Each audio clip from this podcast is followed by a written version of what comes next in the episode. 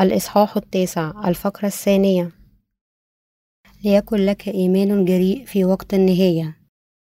رؤيا الإصحاح التاسع الآية الأولى إلى الحادية والعشرون. من ضربات الأبواق السبعة مررنا للتو على ضربات الأبواق الخامس والسادس في المقطع السابق.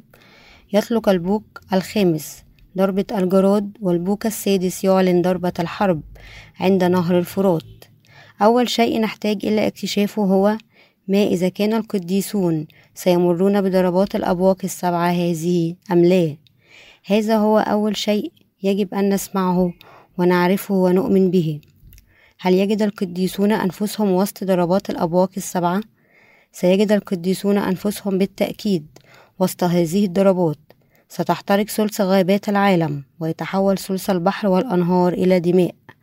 وستضرب الشمس والقمر والنجوم وتفقد ثلث ضوءها. على الرغم من أن ثلث طبيعة العالم كله إما سيتحول إلى دم أو يفقد ضوءه لكن ذلك يعني أيضا أنه سيتبقى الثلثين الآخرين. تخبرنا الكلمة أننا نحن القديسون الذين نالوا الخلاص سنجد أنفسنا وسط الضربات الستة الأولى التي ستدمر ثلث العالم.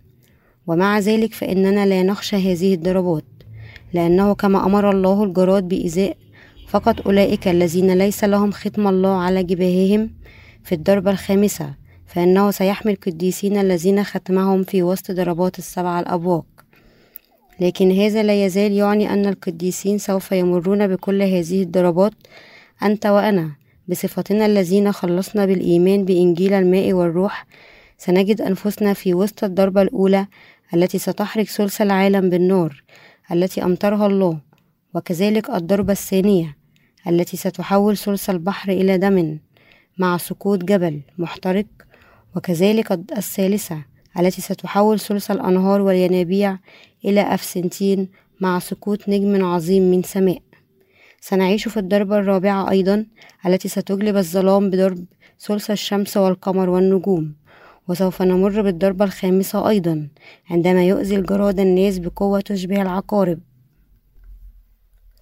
وعندما تجلب الضربة السادسة حربا عالمية في نهر الفرات سنجد أنفسنا نعيش وسط كل الضربات. لا أحد يستطيع أن يفعل شيئا حيال ذلك لأن هذا هو تدبير الله الذي ينتظر أن يتحقق.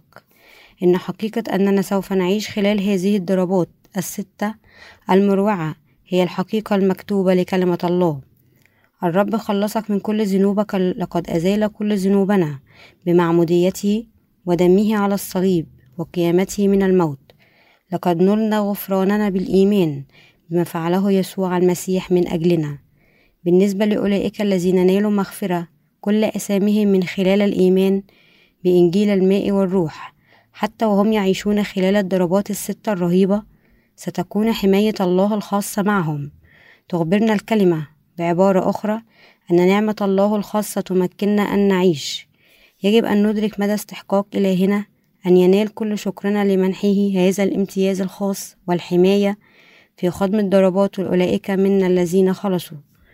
عندما بوق الملاك الخامس رأى يوحنا كوكبا قد سقط من السماء إلى الأرض والذي قد أعطى مفتاح بئر الهاوية.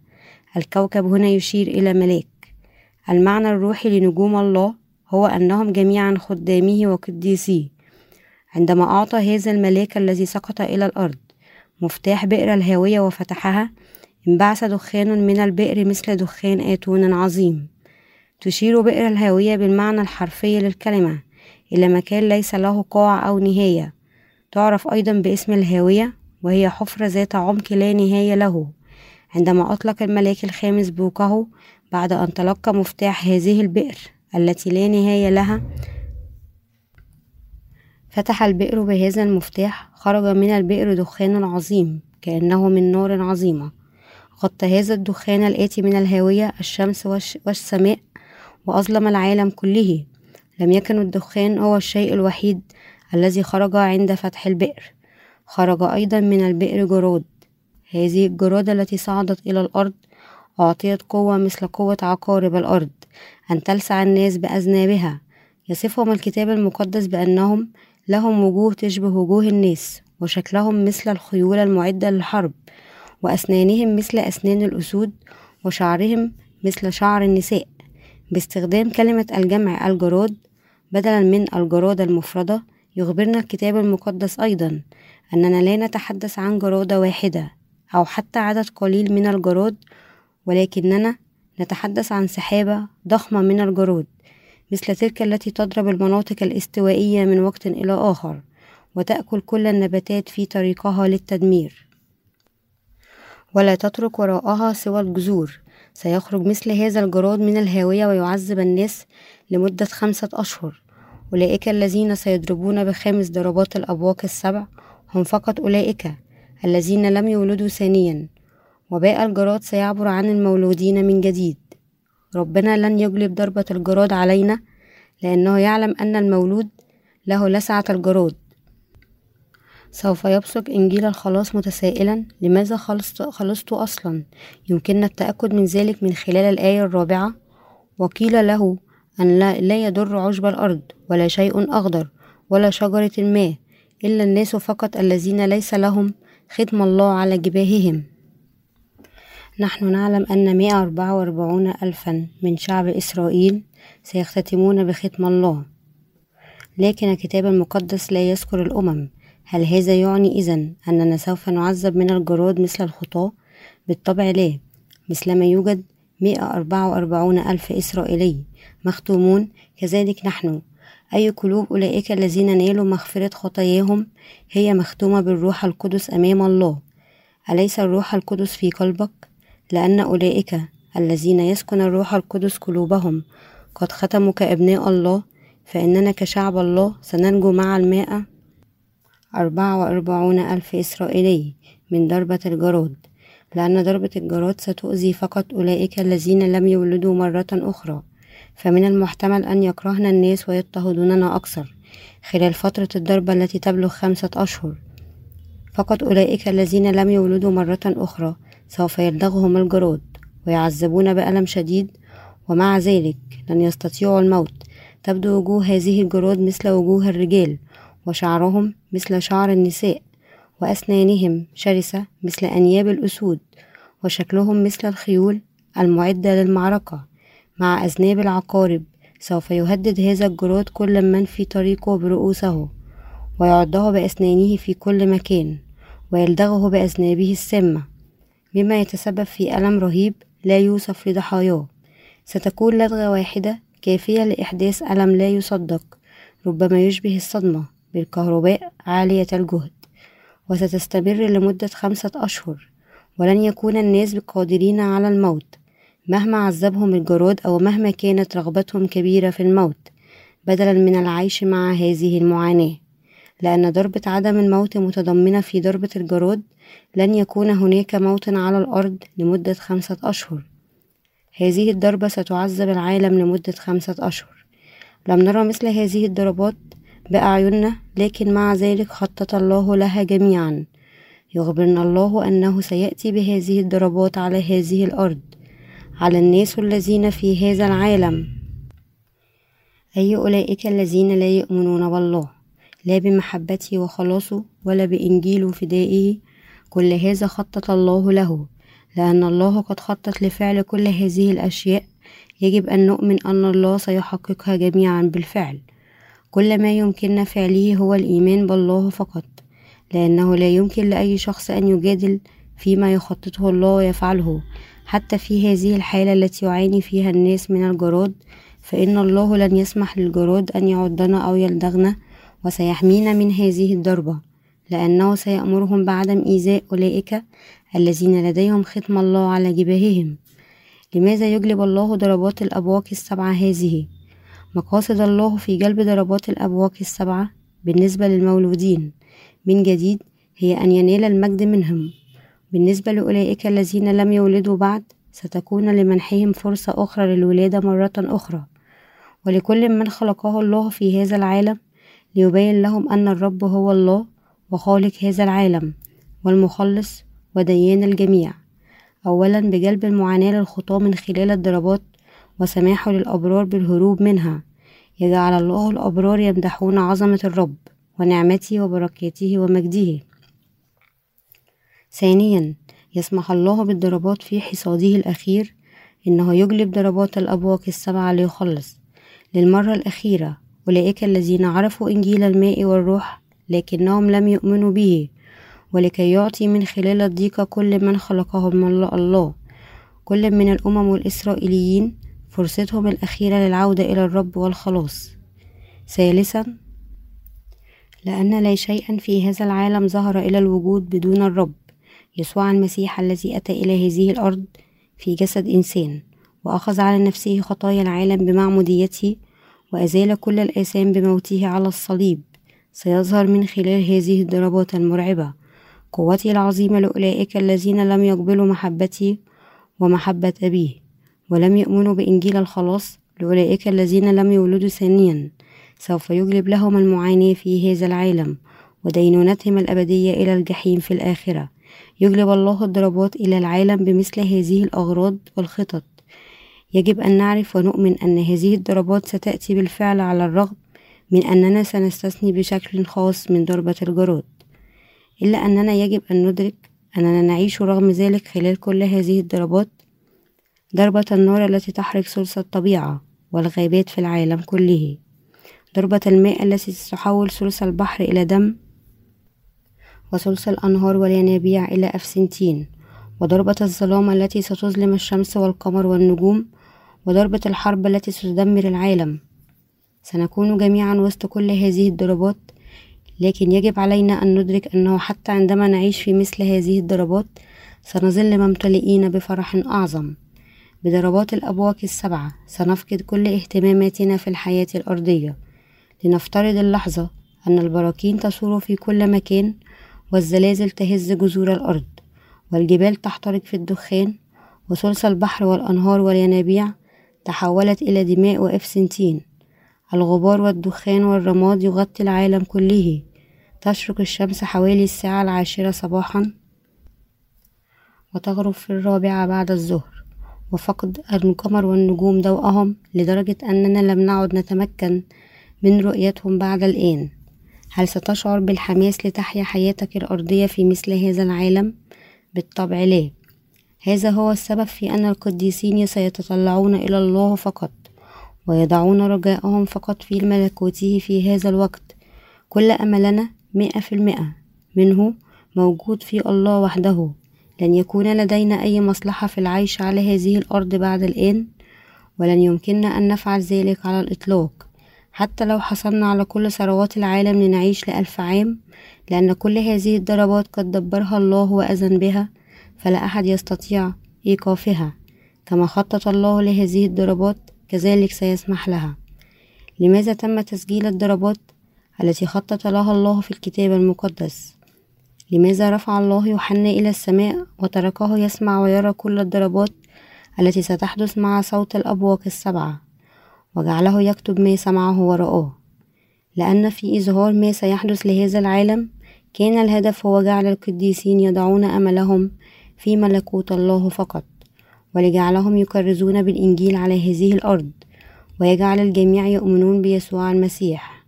لقد خطط الله وسمح بكل هذه الأشياء حتى يفكر الناس مرة أخرى من خلال هذه الضربات ولا يعانون في بحيرة النار والكبريت المتقدة في الجحيم. بعبارة أخرى أعطاهم الله ملاذا للهروب من الضربات. لأن الله لا يريد أن ينتهي المطاف بأي منا في الجحيم فهو يريد قلوب الخطاة أن تعود إليه من خلال الضربات. أؤمن أن الكلمة قد كتبت وأظهرت لنا حتى يذهب الجميع إلى السماء. بعبارة أخرى فإن الضربات التي يجلبها الله إلينا ليس لجعلنا نعاني فقط. يأتي الله بهذه الضربات إلى العالم وإلينا حتى نعلق رجاؤنا. ليس على هذه الأرض بل في مملكته. يجب أن ندرك أيضا أنه يسمح لكل هذه الأشياء لكي يجعلنا نكرس بحبه للخلاص للأرواح الضالة التي لا حصر لها التي مصيرها لها بالجحيم الأبدي حتى يؤمنوا أيضا بكلمة الخلاص ويخلصون ويهربوا من هذه الضيقة. تشتهر بعض أنواع سمك السلور من بين أشياء أخرى بالألم الذي يمكن أن تسببه من لدغاتها. إذا لم تكن حريصا في التعامل مع هذه الأسماك فقد تلسع يدك زعانفها السامة ثم يتبع ذلك ألم شديد. كما لو كنت قد صدمت بالكهرباء هذا الألم لا يقارن بألم لسع الجراد. تخيل الآن أنك تعاني من هذا الألم لمدة خمسة أشهر. سيكون أسوأ ألم ممكن لأنه حتى لو كان الناس يفضلون الموت على العيش في معاناتهم فلن يتمكنوا من فعل ذلك. لن يكونوا قادرين حتى على قتل أنفسهم كما تخبرنا الكلمة ويرغبون أن يموتوا فيهرب الموت منهم. ولكن لأننا أصبحنا أبناء الله من خلال الإيمان بإنجيل الماء والروح ولأن الروح القدس فينا هكذا فإن الله سوف يحمينا من هذه الضربة. حتى لا نعاني من الألم الذي يسببه الجراد. نحن محميون حتى وسط هذه الضربة لأننا نلنا مغفرة الخطايا بالإيمان بإنجيل الماء والروح. لا ينبغي أن ننظر إلى سفر الرؤيا بالخوف فقط بل من خلال كلمة الرؤيا يجب أن ندرك كيف يمنحنا الله حمايته الخاصة من الضربات وكيف سيتمجد من خلالنا وكيف سنكون أيضا سنلبس ثياب مجد الله. بمعرفة هذه الأشياء يمكننا أن نكون أكثر جرأة ونكرس بالإنجيل أكثر ونعطي المزيد من المجد لله عندما يأتي وقت الضيقة. على هذا النحو يجب أن نعيش هذا العصر دون أي خوف في قلوبنا ولا أي جشع لحياتنا الأرضية. يعلمنا الله كل هذه الأشياء مسبقا حتى نتحلى بالشجاعة لذلك يجب أن يكون لدينا إيمانا جريئا. يصنف الله الضربات السبعة إلى فئتين الكوارث الأربعة الأولى والثلاثة الأخيرة. يوضح أن الأخيرة ستكون أكثر فظاعة من حيث الحجم والشدة لذلك يعلن بشكل خاص عندما تنتهي الضربة الخامسة الويل الواحد مضى هو يأتي ويلان أيضا بعد هذا. الويل الثاني هو ضربة البوك السادس قائلة للملاك السادس الذي معه البوك. فك الأربع الملائكة المقيدين عند النهر العظيم الفرات. فانفك الأربع الملائكة المعدون للساعة واليوم والشهر والسنة لكي يقتلوا ثلث الناس. تقول الآية السادسة عشر وعدد جيوش الفرسان مائة ألف. ألف هذا يظهر أن حربا ضخمة ستندلع وأن ثلث البشرية ستقتل بسبب هذه الحرب. بعبارة أخرى سوف يجلب الله ضربة حرب رهيبة على هذه الأرض. تقول الآيات السابعة عشر والثامنة عشر وهكذا رأيت الخيل في الرؤيا والجالسين عليها لهم دروع نارية وأسمنجونية وكبريتية ورؤوس الخيل كرؤوس الأسود ومن أفواهها يخرج نار ودخان وكبريت. من هذه الثلاثة قتل ثلث الناس من النار والدخان والكبريت الخارجة من أفواههم. سيسمح الله بقتل عدد لا يحصى من الناس من قبل جيش الفرسان الضخم. هذه هي الضربة التي ستأتي مع صوت بوك الملاك السادس. ماذا يحدث عندما يبوك البوك السابع؟ القيامة والاختطاف سيحدثان. حتى البوك السادس كل الضربات السابقة ستأتي إما على أنها كوارث طبيعية أو حرب من شأنها أن تجلب الموت مباشرة للناس لأن كل هذه مشمولة في ضربات الأبواق السبعة والمسجلة في الكتاب المقدس أنا أؤمن بهذه الكلمة ولكن ماذا عنك؟ هل تؤمن أيضا بهذه الحقيقة؟ هل نلت مغفرة خطاياك بالإيمان بإنجيل الماء والروح؟ على الرغم من أن هذه الضربات تتضمن هروبك من معاناة الضربة الأبدية ولا تدخل الجحيم أبدا لكنك يجب أن تؤمن بإنجيل الماء والروح الآن الذي أعطاك إياه الله لتختفي كل ذنوبك وليخلصك من الضيقة العظيمة ويعطيك مملكته السماء الجديدة والأرض الجديدة. يجب أن يكون لديك إيمان يؤمن بهذا الإنجيل. يجب أن تعرف وتؤمن بهذا الإنجيل. لا يوجد طريق آخر إلى السماء إلا بإيمانك بإنجيل الماء والروح. قال يسوع لبطرس وأعطيك مفاتيح ملكوت السماوات تعطى مفاتيح ملكوت السماء لنا عندما نؤمن بيسوع المسيح كمخلصنا. أنه أتى إلى هذه الأرض وأنه أخذ عليه جميع خطايا البشرية والعالم بمعموديته التي نالها. من يوحنا المعمدان عند نهر الأردن. وأنه حمل كل هذه الآثام ومات على الصليب. وأنه قام من بين الأموات. يمكننا أن ندخل السماء ونكون محميين من هذه الضربات فقط. عندما يكون لدينا هذا الإيمان الإيمان الذي يؤمن بأن كل أثامنا قد تم محوها. بتبويق البوك السابع يأتي الاختطاف بجانب الاستشهاد الموصوف في سفر الرؤيا عندما يظهر ضد المسيح. سنواجه موتنا البار كشهداء من أجل الإنجيل. يجب أن تدرك كم هو ثمين ومهم هذا الإنجيل الذي تعرفه وتؤمن به. آمن بإنجيل الماء والروح هذا. ستتمكن بعد ذلك من التغلب على نهاية الزمان. بجرأة والسكن في المملكة الألفية والسماء الجديدة والأرض الجديدة التي وعد بها الرب لتعبد الرب كواحد من الأربع والعشرين شيخا الذين يقفون حول يسوع المسيح الذي هو الله. لا توجد طريقة أخرى سوى التغلب بجرأة على الضيقة من خلال الإيمان بإنجيل الماء والروح. آمن وصلي. من أجل أن تتغلبوا جميعا كقديسين ولدوا من جديد من خلال الإيمان بهذا الإنجيل بقلوبكم. على نهاية الزمان وترثوا ملك الله الألفي وسمائه الأبدية